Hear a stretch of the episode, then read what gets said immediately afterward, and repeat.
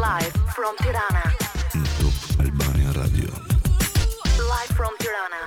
Në këtë pjesë të dytë të Live from Tirana do të flasim për një temë që nuk i shpëtojmë dot, gjithmonë dëgjojmë lajme jo të mira dhe gjithmonë mund të njohim njerëz rreth e qark që mund të kenë një uh, ngjarje të ngjashme, siç është dhuna në familje. Ne do të flasim pikërisht për këtë Ndikimi i dhunës në familje, nga se vjen, cilat janë shkaqet dhe pasojat që ne shpeshherë i harrojmë ose i neglizhojmë dhe për të folur për këtë dhe për më shumë, unë kam kënaqësinë të kem në studio, ajo është pedagoge, psikologe gjithashtu, Jonida Haxhiu, mirë se erdhe. Mirë se ju gjej, kënaqësi që jam me ju kënaqësi edhe për mua dhe do flasim për një temë në fakt që um, janë edhe personazhe të njohur, personazhe që ne i shohim në ekran, siç është Roza Lati për shembull që foli sërisht edhe pse Roza ka folur dhe më përpara hapur, po them, se jo të gjithë flasin hapur për një temë si kjo, por edhe brenda shtëpisë së Big Brother ajo ndau një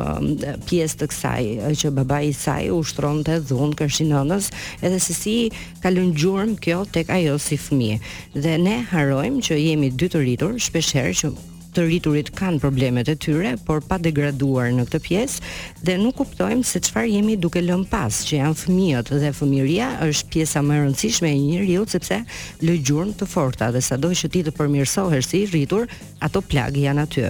Por le ta nisim pak kam unë përshtypjen apo çfarë ka ndodhur që duket sikur vitet e fundit po ka më shumë raste apo po flitet më shumë apo njerëzit janë ndërgjegjësuar edhe po po kërkojnë mbrojtje dhe ndihmë. Po, është e vërtetë në fakt që vitet e fundit ne kemi një shtim të rasteve të bëra publike apo të denoncuara të dhunës, që do të thotë që ë për për ekspertët mund të jetë një arsye apo një shpjegim i këtyre shifrave më të larta, ë Mund të jetë pikërisht për fat keq shtimi i rasteve të dhunës. Pra ne mund të kemi më shumë raste dhune për sa kohë po flasim për dhunën në familje, të dhunës në familje, të dhunës brenda katër mureve të shtëpisë,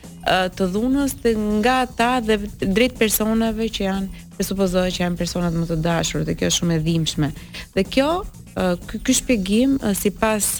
ekspertëve që merren me me studimin e kësaj çështje, mendohet të lidhet me numrin në rritje në shkallë globale të problemeve të shëndetit mendor. Mm -hmm. Ne kemi një shtim të numrit të personave që uh, kanë probleme me depresionin, me stresin, me ankthin dhe patjetër që problemet e shëndetit mendor, sidomos ato të padiagnostikuara, sidomos ato të patrajtuara dhe të pakapura në kohë, për shumë arsye, mbase do do do ndalojmë më vonë, por uh, për shumë arsye problemet e shëndetit mendor nuk diagnostikohen në kohë dhe ngelen të patrajtuara, që do të thotë që uh, probleme të tilla rrisin uh, mundësinë që të kemi shfaqje të agresivitetit, të dhunës, të, të sjelljeve jo normale të pro, të problemeve të komunikimit nga këto individë. Mm -hmm. Po ashtu një një shpjegim tjetër për rritjen e numrit të uh, rasteve të dhunës së denoncuar mund të jetë pikërisht ajo që ju ju përmendët, ë, mund të jetë fakti që kemi më shumë ndërgjegjësim për për për sa i përket ë uh, mos pranimit të dhunës, të kuptuarit që dhuna nuk është një zgjidhje për problemet. Të kuptuar që askush nuk ka të drejtë të dhunojë dhe të kuptuar që askujt nuk mund t'i tolerojmë dhunën pavarësisht lidhjes Pavarësisht dashurisë, pavarësisht kujdesit, dhe ky është unë mendoj një një për sa kohë vjen nga një arsye e tillë, unë mendoj që është një moment që është një një zhvi, le të themi reflekton zhvillim të shoqërisë, reflekton emancipim. Ë megjithatë Shifrat e larta për gjithsesi janë janë shqetësim për për ne si ekspertë, por janë shqetësim për gjithë shoqërinë, mhm. sepse mm -hmm. pavarësisht se ne shpesh herë kur flasim për dhunën priremi ta ta konsiderojmë si diçka si një konotacion negativ, si diçka që nuk na përket, si diçka e shëmtuar, si diçka që Tashmë të gjithë e dimë që nuk është e mirë, por fatkeqësisht ende nëse ne thellohemi në biseda me me me persona që na rrethojnë, me komunitete që na rrethojnë, fatkeqësisht ne vëmë re që dhuna është prezente, fatkeqësisht ne vëmë re që dhuna shpeshherë nuk kuptohet, ëh, ne flasim për dhunë fizike. Flasim për fizike, por dhuna ka edhe pjesën uh, tjetër që ne nuk flasim shpesh. Megjithatë do ta vazhdojmë pak këtë bisedë edhe për problemet e shëndetit mendor që shpeshherë neglizhohen, edhe nuk vihen re, por fillimisht do të shkojmë tek një këngë e Alban Skënderaj e realizuar në 2021 ishën, kënga Zholi. Jonita dua ta vazhdojmë pak bisedën tek uh, shëndeti mendor dhe më kujtove ndërkohë që po flisje për këto edhe rastet e fundit uh, që doli u bë publik rasti i parë dhe më pas edhe një i dytë që bashkëshorti e mbush shtëpinë me kamera dhe survejon gjatë gjithë kohës se çfarë është duke bërë bashkëshortja. Dhe përveç kësaj, Duket sikur kemi pastaj nënën e bashkëshortit që shpesh herë nuk reagon edhe sheh një gjë që nuk është normale, të paktën unë mendoj që kjo nuk është një gjë normale, që ti të vendosësh kamera për ta survejuar, mund ta kuptoja kur ke një fëmijë të vogël apo një njeri të moshuar që ka probleme shëndetësore dhe kur je në punë ti E ke të domosdoshme që herë pas here të shohësh se çfarë po ndodh me to, por në rastet e tjera mua personalisht më duket absurde. Dhe nga ana tjetër që ndoshta bashkëshortja denoncon dhe pastaj tërhiqet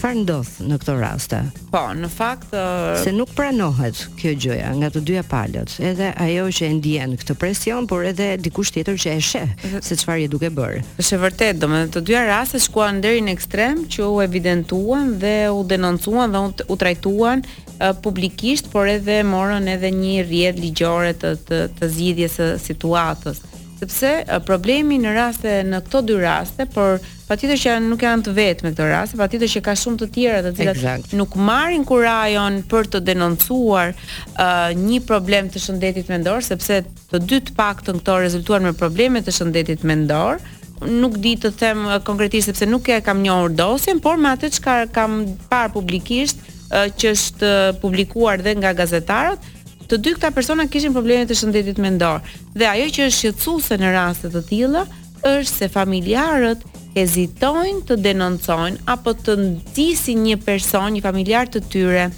të shkojë tek specialisti në momentin që kuptojnë që ky person ka probleme të shëndetit mendor. Ë uh, për shkak të frikë,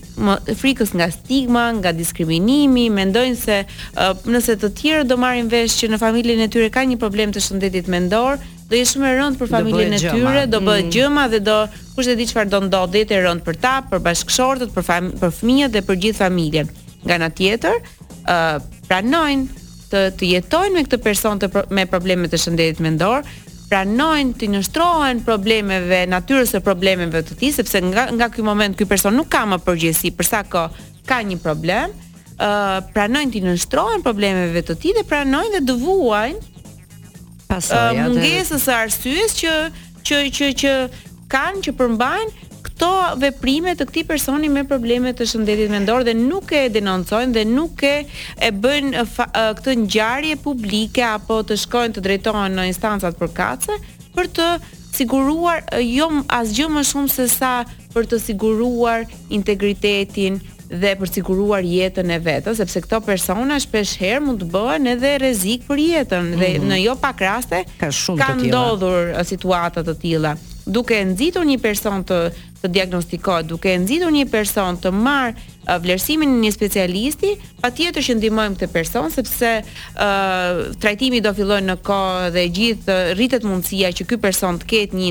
le të themi një shërim apo një riintegrim më të shpejtë, Por nga ana tjetër ti shpëton dhe veten, shpëton edhe fëmijët e tu, shpëton dhe familjarët e tu nga kjo situatë e pakuptim, nga kjo situatë e rrezikshme sikurse në këto raste, por në shumë raste ku problemet e shëndetit mendor për fat keq nuk nuk denoncohen, bashkëjetohet me to si formë e dashurisë, si formë e kujdesit, si formë E qoftë nga bashkëshortja. normale. Tani pse po e them këto? E para dua uh, janë dy gjëra që mos i harroj, që jo të gjithë ata që ushtrojnë dhunë kanë probleme të shëndetit mendor, mendoj unë. Jam e saktë, se i bie që pastaj të gjithë ne kemi probleme serioze të shëndetit, ka ndikojnë dhe mm. faktorë të tjerë. Në fakt unë nuk do doja ta ta pranoja dhunën si një formë normale për për mua si si psikologe, por edhe si onit, Për mua dhuna është dështimi i komunikimit, exact. i formave të komunikimit normal. Një person që përdor dhunën nuk ka asnjë justifikim se se më stresove, se më shqetësove, se isha e mërzitur, është një person që patjetër mund të jetë duke kaluar një situatë të vështirë, por nuk justifikon aspak përdorimin e dhunës. Do të thotë që ka dështuar komunikimi normal, mënyra normale e zgjidhjes së konflikteve, sepse patjetër Jeta ka pafund konflikte, ka pafund Jeta është luftë në fund të ditës. Jeta është luftë për të gjithë, po jo vetëm për ata të stresuarit edhe që mbase e ndjejnë më shumë stres apo mendojnë se e ndjejnë më shumë, por po aq stresuese është edhe për bashkëshorten e tyre, edhe për nënën, edhe për vajzën, edhe për kolegen, për të gjithë viktimat e dhunës është po aq është po aq stresuese. Kështu që nuk nuk nuk ka asnjë arsye për të përdorur dhunën si formë për të justifikuar gjendjen e vështirë është dështim edhe ky është një problem i dhunuesit, domethënë dhunuesi duhet të kuptojë, të gjithë dhunuesit duhet të kuptojnë që ky është një problem i tyre, është një problem që duhet ta kishin zgjidhur, por nuk është aspak nuk lidhet me viktimën, me sepse shpesh herë dëgjojmë këtë pjesën që uh, viktima justifikon, arsyeton se unë e acarova, se unë e kisha fajin. se ai ishte i mërzitur sepse zakonisht dhunuesit janë partnerët apo janë Bëjnë meshkujt. viktimën më shumë se ç'duhet edhe pastaj ti ndihesh fajtore apo jo. Dhe e, femrat, e, nënat, motrat fajësojnë veten se unë se ai ishte i mërz, se është i stresuar, është i mërzitur dhe ishte faji im që që e, bëra sjelljen e paduhur apo ndërhyra në mënyrën e paduhur. Askush nuk ka të drejtë të përdorë dhunën në asnjë situatë, për asnjë arsye, për asnjë problem që po kalon. Nëse po kalon një problem, le të kërkojë ndihmë, është detyrimi i tij të kërkojë ndihmë, është detyrimi ynë për të ndihmuar persona të dashur për t'iu drejtuar specialistit për të për të kërkuar ndihmë, por uh, është detyrimi ynë po ashtu dhe i çdo viktime për të siguruar veten dhe për të mos pranuar asnjë formë dhune nga askush sado i qof, sado i dashur qoftë ky person. Edhe un kur thash fjalën normale, më kujtua shprehja e një komshies time që mua më ka lënë gjurmë para pak vitesh më ka thënë që um, kur po flisnim se si ishte bashkëshorti i saj, Tha, ka qenë shumë i mirë, nuk dua të përdor emrat, ka qenë mhm. shumë i mirë se të paktën nuk ka vënë dorë mbi mua dhe mua më la gjurmë kjo shprehje sepse me sa duket ka një kategori uh, grash ose janë për fat keq janë mësuar që të vogla që duhet të jenë kokulur që gjithmonë bëhet ky dallimi që ti je mashkull dhe ti mund të bësh këtë, ti je vajzë dhe ti nuk mund ta bësh këtë dhe ishte e lumtur sepse nuk ishte ushtruar dhunë dhe mua dhe kjo më duk E iu duk si një marrëdhënie e suksesshme, e dhimbshme në thelb, dhe sepse po ta marr si një gjë normale që kështu ndodh gjithandej, po të paktën unë nuk e kam pasur këtë gjë. Dhe në fakt, ndërsa unë do ta shikoja si vërtet si një marrëdhënie e mirë, nuk e di çfarë moshe ka pasur çifti, Por ose zonja në në pra sa se kur Mirë, kanë qenë. Do ta vazhdojmë pak bisedën, do presim disa miq që na presin dhe pastaj vazhdojmë okay. në lidhje me këtë. Dhe e lamë pikërisht bisedën tek uh, ajo zonja që përdori shprehjen pikërisht që të paktën nuk ka vënë dorë, dhe unë thash popullorçe ashtu siç më tha, por çfarë kuptova unë dhe më bëri përshtypje dhe e kam akoma uh, të gjallë në kujtesë është që duket sikur rriten në një formë që mm, Edhe kur ushtrohet njëfarë dhune dhe duhet thënë që ne sot nuk i përmendëm, nuk është vetëm dhuna fizike, po ka edhe dimensione të tjera që ndonjëherë janë edhe më të problematike dhe nuk flitet aq shumë, por duket sikur jemi mësuar që edhe po u përdor një formë e dhunës, hajt mo se është burrë. Po. Po e them prapë kështu popullorçe. Po. Është ky është fakt, edhe pse do të thosha është fakt i dhimbshëm, që ende në në kontekstin tonë uh, pranohet si diçka normale, ose burri kështu është, ose mm -hmm. burri uh, edhe qëllon, ose burri jot është. Dhe kjo gjë pranohet jo vetëm nga personi, që ndoshta unë do thosha që duke jetuar ndoshta me dhunën humb në një farë mënyre edhe sensin e arsyes se çfarë është normalja. Ndoshta dhe ajo fillon të justifikojë këtë këtë sjellje aspak të drejtë dhe aspak normale, po un un me dhimbje do thosha që këtë gjë e gjejmë edhe tek personat më të dashur. Pra edhe kur kjo femër, kjo vajzë, kjo grua uh, kërkon ndihmën e atyre çka uh, atyre personave që janë më të afërmit, më të dashurit, zakonisht prindërit, motrat, vëllezërit, në të shumtën e rasteve vjen uh, prap goditja e dytë do mhm. thosha mm -hmm. un, vjen nxitja e këtyre per, nga këta persona që ul kokën se ai është burri yt, ky ishte fati jot, ke fëmijë, do kesh fëmijë, s'ke asnjë gjë ku të shkosh. Pastaj siguria ekonomike. Domethënë, edhe... kjo është një mënyrë edukimi pa. Po. dhe patjetër që nuk ndodhi në atë moment, këta prindër ashtu kanë menduar si, domethënë, më të mirën për vajzën e tyre, faktin që kjo vajzë do gjejë një partner dhe pavarësisht se si është ky partner, pavarësisht se si e trajton ky partner, pavarësisht nëse vajza e tyre ndjehet e qetë, e lumtur, ndjehet vetja, ndjehet e mundur për të arritur atë çka çka dëshiron apo çka mendon se mundet, S'është aspak e rëndësishme më për prindërit. Mjafton që ë vajza tashmë ka e rregulluan, se kështu është u rregullua, ka po, u rregullua, u bënë dy persona, dy nga dy të gjithë dhe në momentin që janë dy nga dy të gjithë, jeta ka mbaruar dhe kjo është e dhimbshme kur vjen në shumë raste ose për shumë kohë, sepse ndoshta vjen një moment që patjetër që ndjesia e dhimbjes për fëmijën e superon këtë, Por për jo pak prindër një situatë e tillë pranohet edhe nxitet vajza për të ulur kokën dhe kjo kur kur kur ne dëgjojmë duket sikur është e lidhur me me zona me me zona të të largëta. Jo, kjo ndodh edhe në në mes të qytetit, në në mes të të zonave më të zhvilluara dhe nga persona që janë që janë të shkolluar apo që kanë një status të lartë emancipimi. Unë do thosha që kjo është e dhimbshme. Ne ende vazhdojmë të rrisim djemt uh, me me një mënyrë apo në një formë ndryshe nga vajzat. Ne ende pra, bëjmë dallime gjithë të dallojmë uh, djalin nga vajza, djali nuk punon, uh, djali duhet t'i ketë gjërat gati se dhe këtë gjë ia bën nëna derisa vjen një moment që ai ka partneren e tij, ndërsa për vajzën nuk është e njëjta sjellje zakonisht, Vajza ka më shumë detyrime në familje sepse vajza duhet përgatitet sepse nesër do shkojë tek burri edhe ka ca detyrime ndryshe nga ky djali që do ia bëjë gruaja. Kështu që ë për këta persona që rriten në këtë formë edukimi, në këtë formë ë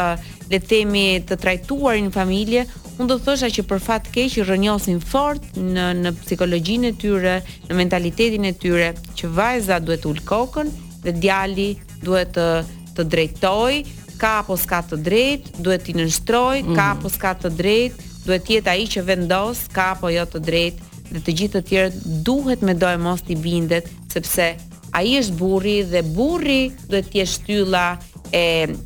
lideri mm -hmm. i mhm. i një familje në në gjithçka bën një familje, qoftë në në mënyrën se si organizohet familja, por Është lideri dhe që vendos edhe për gruan, çfarë i pëlqen gruas, çfarë profesioni duhet të ketë gruaja, çfarë pune duhet të ketë gruaja, gjithë gjithçka që mund të duket dhe absurde, por ë uh, për fat keq unë mendoj që për shumë këta gjë nuk është aspak absurde sepse është burri që vendos për punën, për shoqërinë, për gjithçka për për partnerin. Madje jo, s'm pëlqen kjo veshje. Gjithçka, prandaj edhe këtu fillon një formë tjetër bullizmi. Sa Surde është është edhe aq aktuale, ka pafund situata ku partneri i thotë pse fole, pse mm -hmm. pse u mhm. veshe, pse shkove